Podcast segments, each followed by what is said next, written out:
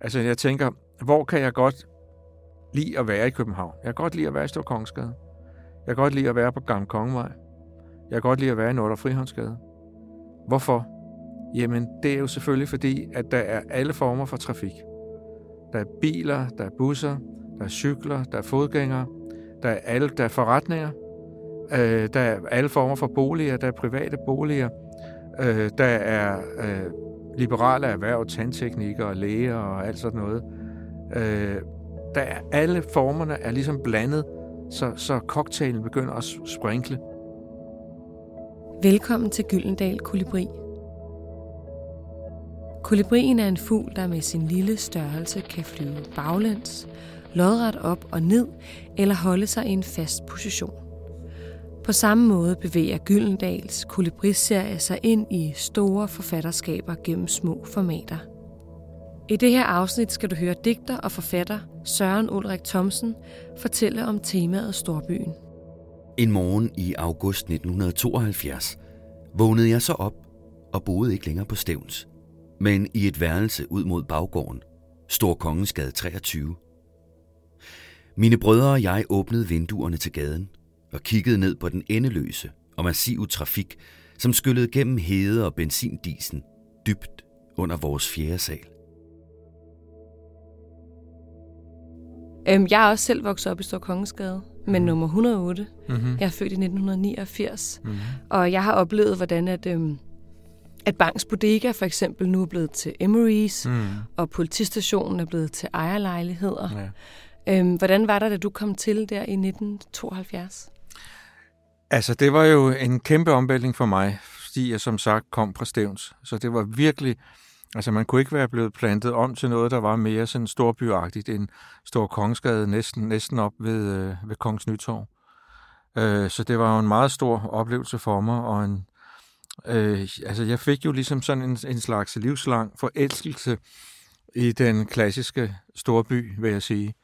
Og jeg tror også, det er derfor, ja, fordi jeg kom udefra, så havde jeg jo et meget skarpt blik for, øh, for, for byen, øh, og måske også skarpere end, end de skolekammerater, jeg så fik på Sølvgade skole, som var vokset op i, i København. Så jeg forelskede mig meget voldsomt i, i København og i, i den klassiske storby. Og derfor tror jeg også, at jeg har fået et skarpt blik for, øh, når, nogle, når nogle storbykvaliteter ligesom forsvinder og, og bliver ødelagt, som mange af de ting, jeg har skrevet om, jo også handler om. Øhm, jeg har også selv gået på Sølvgade skole, Øh, kan du huske, da du gik ruten fra Stor Kongensgade til Sølvgade skole, hvilke butikker der var der i 70'erne?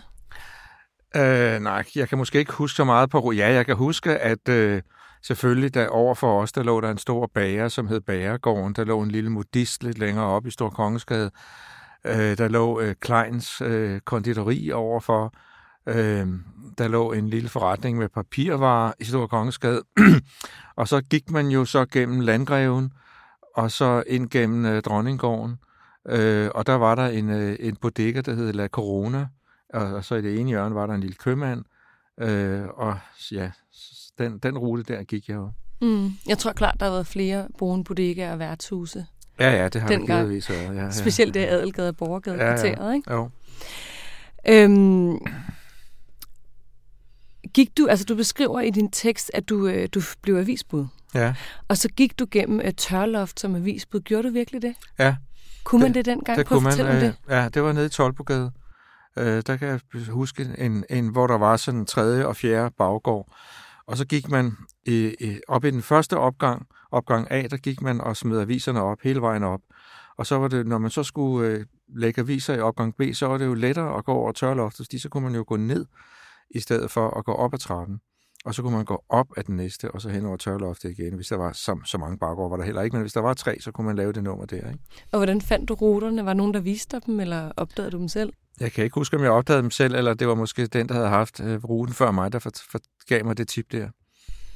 Det er meget sjovt, altså fordi man får det der billede af, at det hele hænger sammen, ikke? Jo, men Både det, for oven og for neden. Ja, men det er jo en af de ting, som jeg godt kunne lide ved, den gamle, ved det gamle København. Det var den der labyrintiske fornemmelse.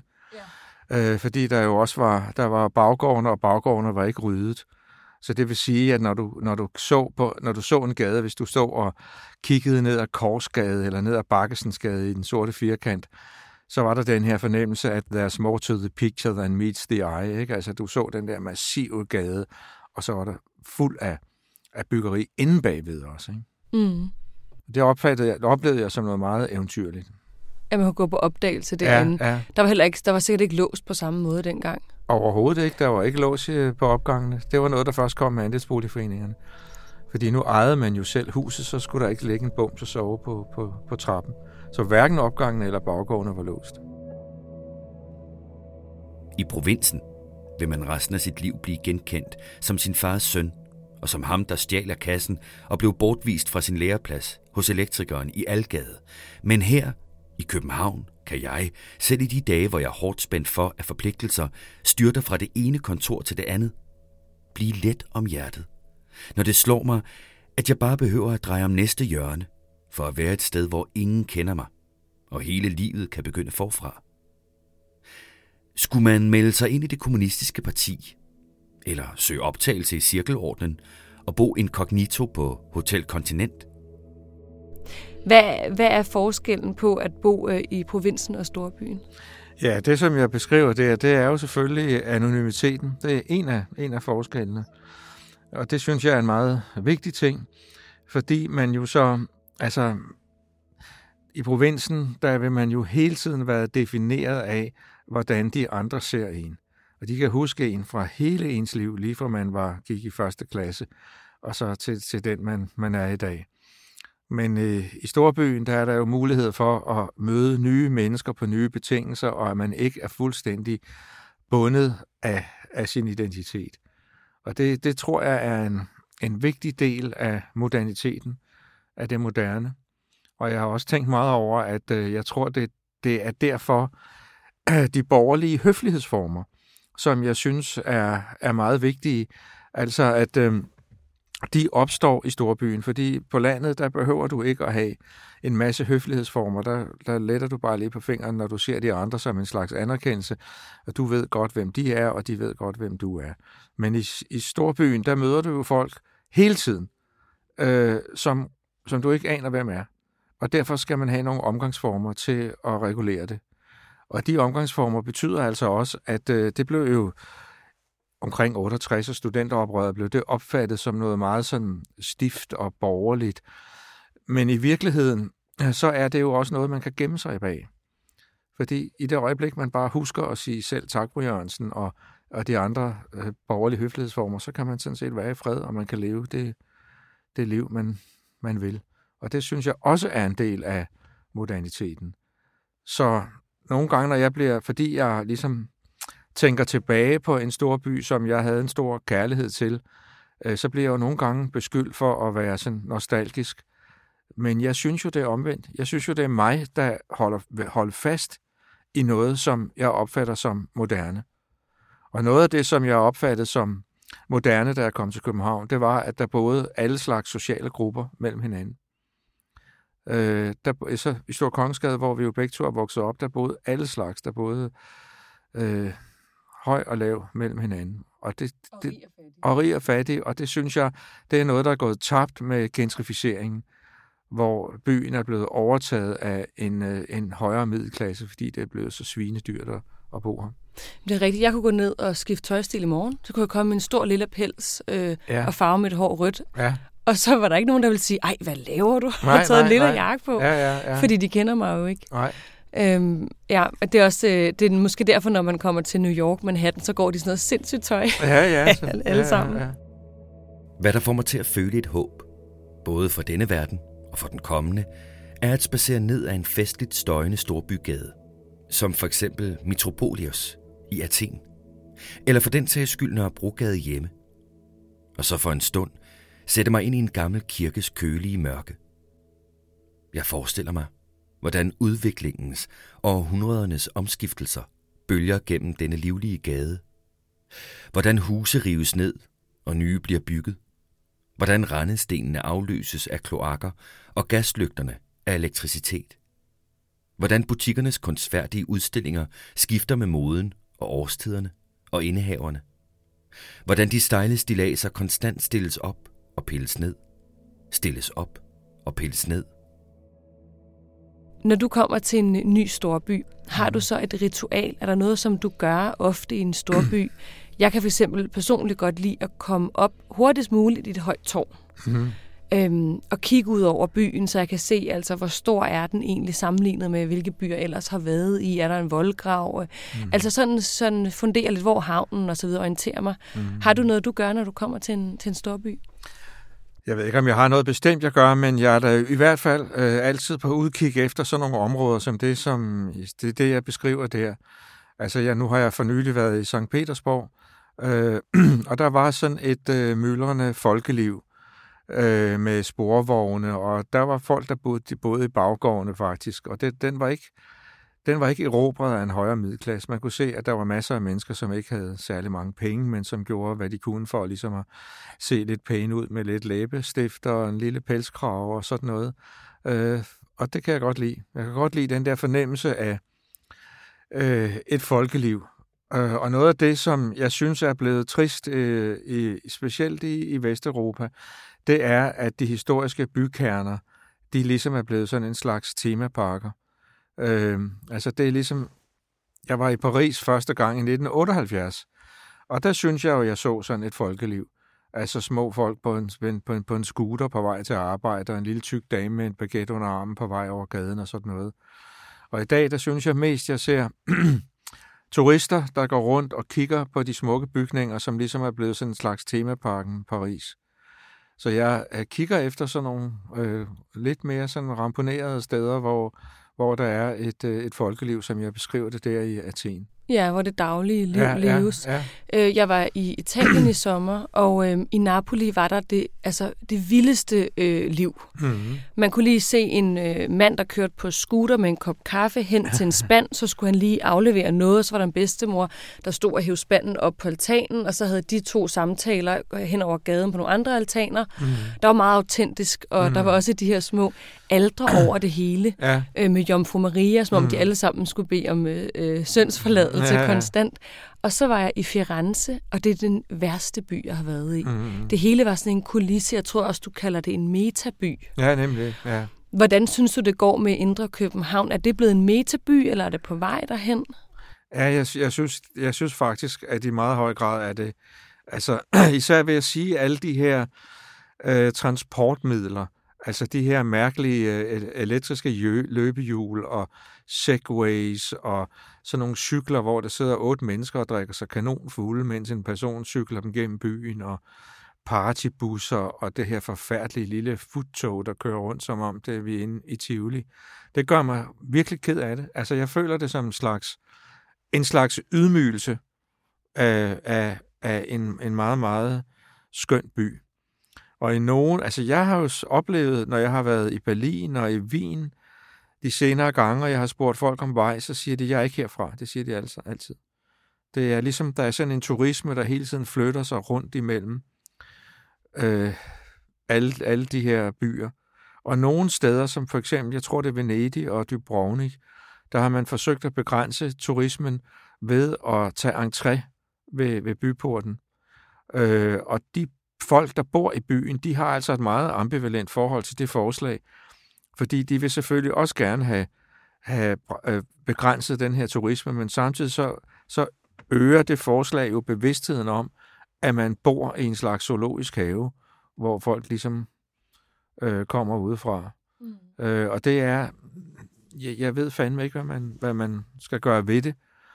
Altså, mit eneste forslag til, altså, når jeg kigger tilbage, øh, og helt, hvis vi nu lige vender tilbage til det her med det nostalgiske. Mm. Altså, nostalgi er jo ikke interessant for andre end dem, der føler det.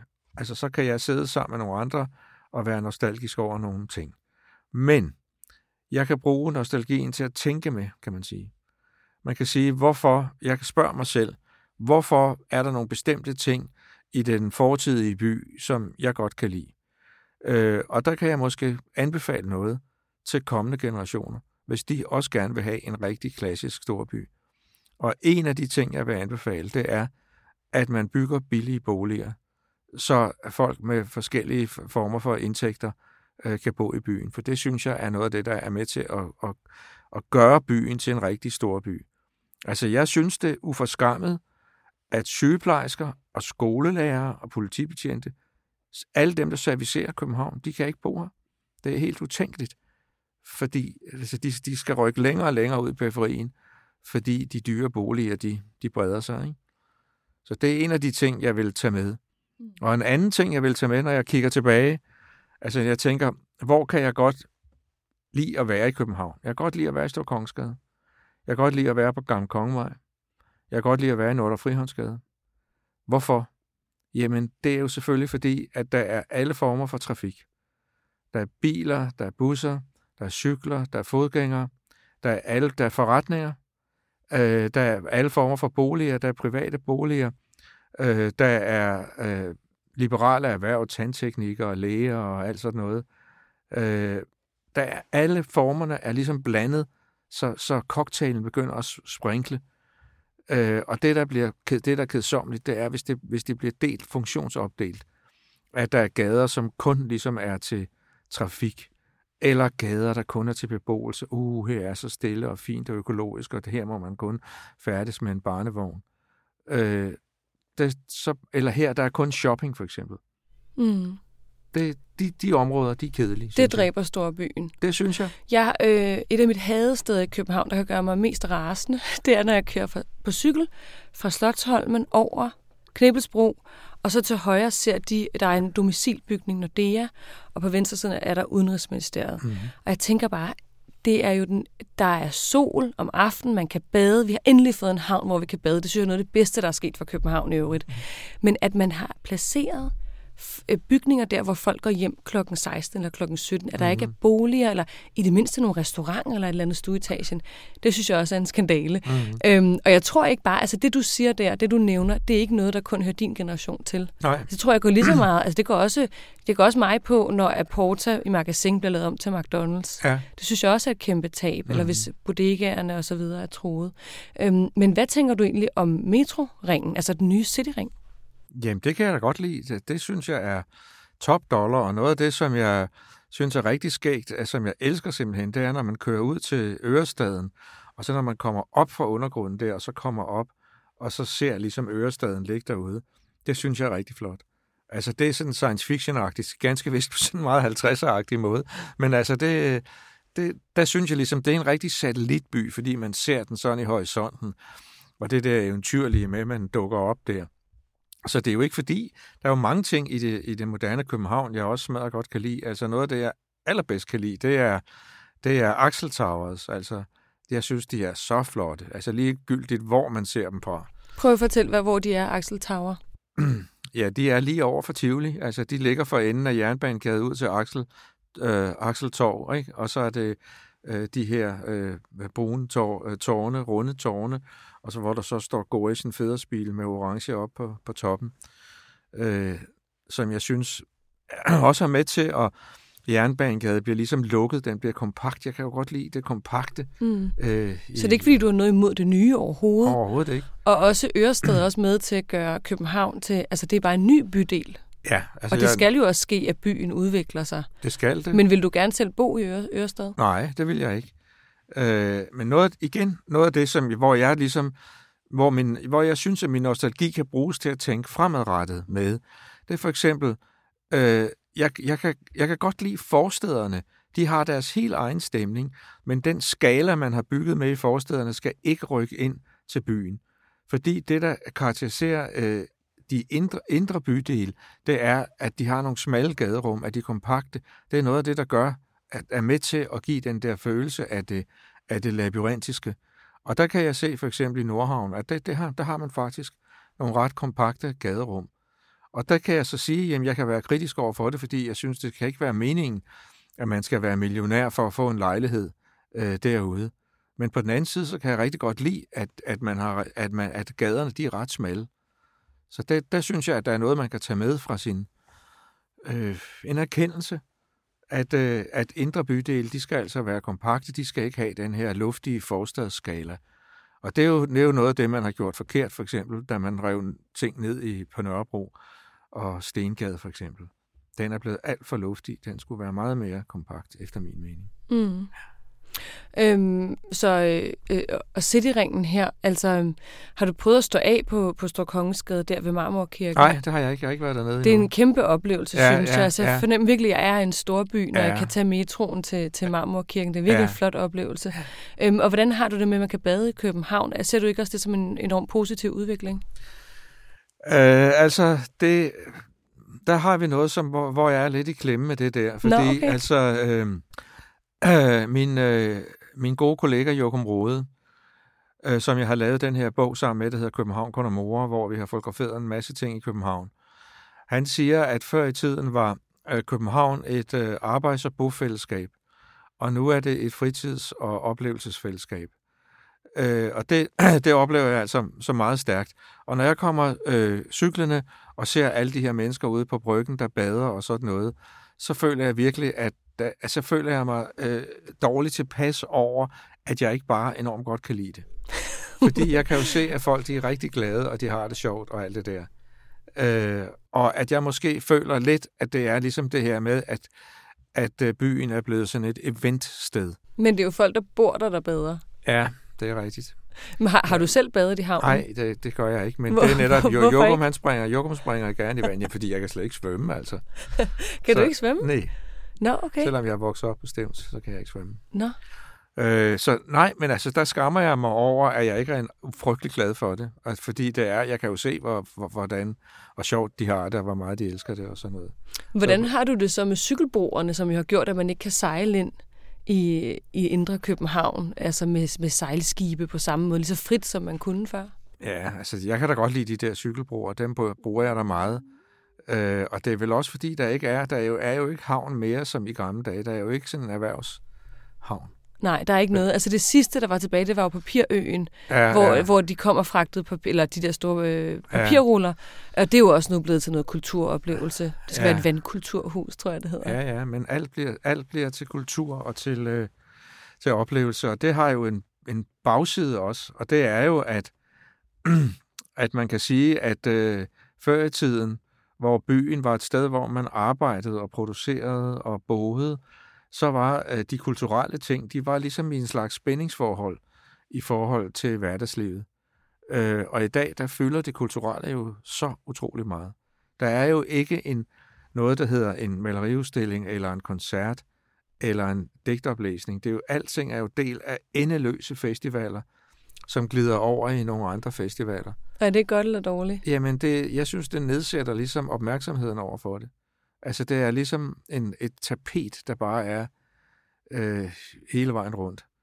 Hvor, hvor, hvor jeg øh, måske øh, bedre kunne lide det der med, at der var et liv, og man gik på arbejde, og der var et hverdagsliv. Så var der en, en udstilling, eller en oplæsning, eller en koncert, man kunne, kunne, kunne, kunne gå hen til. Men det er jo en meget, det er noget meget stort noget, det her, for det har jo også noget at gøre med, at, at der ikke bliver produceret varer i Danmark mere. Og det betyder, og flere og flere øh, mennesker får jo en gymnasieuddannelse, og det betyder også, at flere og flere mennesker rykker over i symbolproduktionen og laver sådan noget, som du og jeg vil lave. Mm, hvor man sidder og taler lidt. Ja, ja. Ja. Altså, det, det er jo... Øh, øh, altså, der er jo virkelig, virkelig en, en, en kæmpe ændring, ikke? Så kultur, det fylder simpelthen helt kolossalt meget i forhold til, til før i tiden. Jamen, jeg, jeg kan godt fornemme, altså når man er i København, man kan ikke undgå at gå glip af noget konstant, Mhm, mm, fordi der er så mange festivaler og arrangementer. Øhm, længes du nogle gange efter at komme ud og bo, hvor du kan se havet og kigge på nogle marker?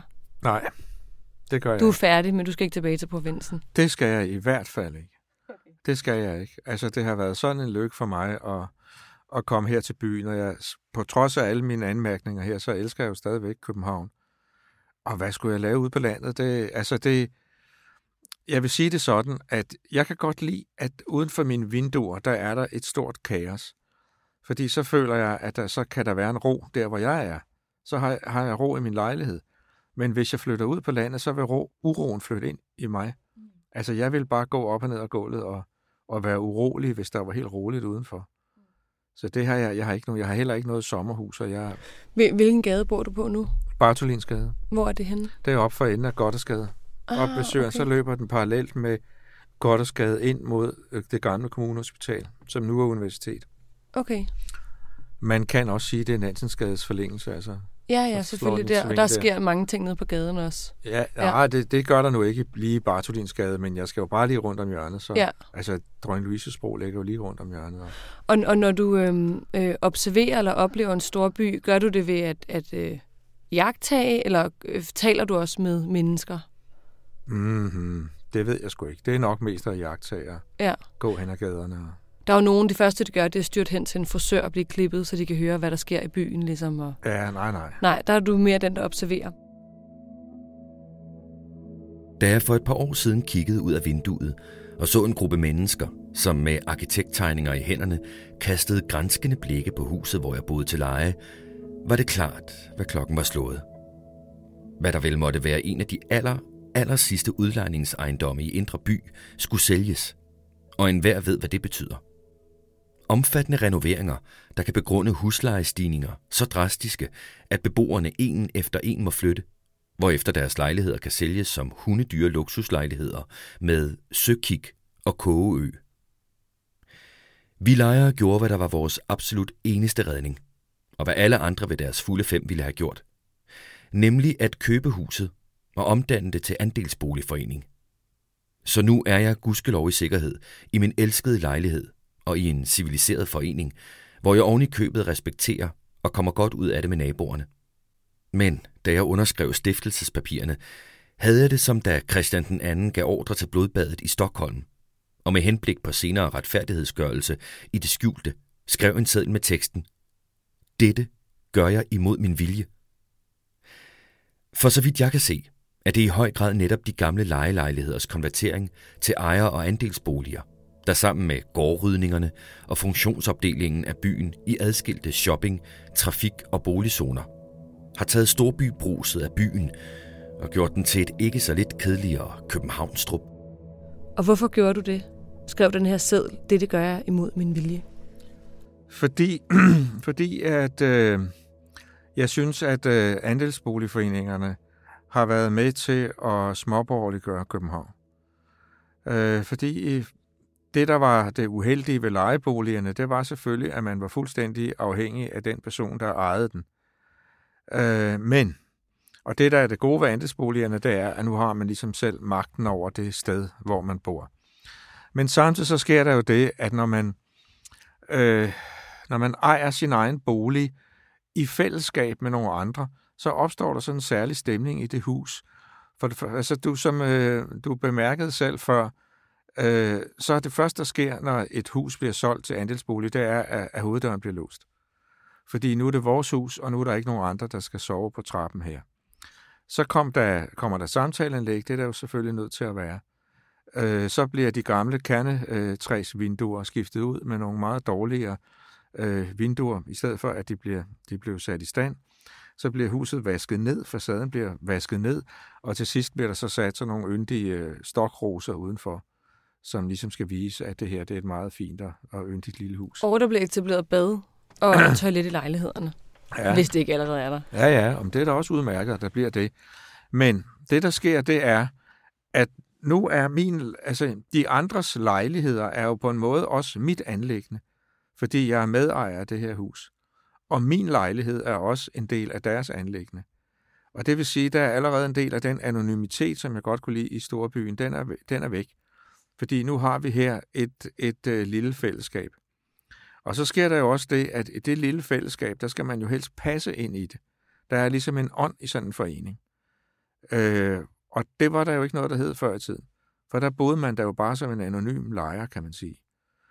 Og det, der så sker, det er jo, at, at øh, de oprindelige beboere, de blev jo langsomt faset ud af de her ejendomme. Fordi det er jo kun ved førstegangs køb af en andelsbolig er billig.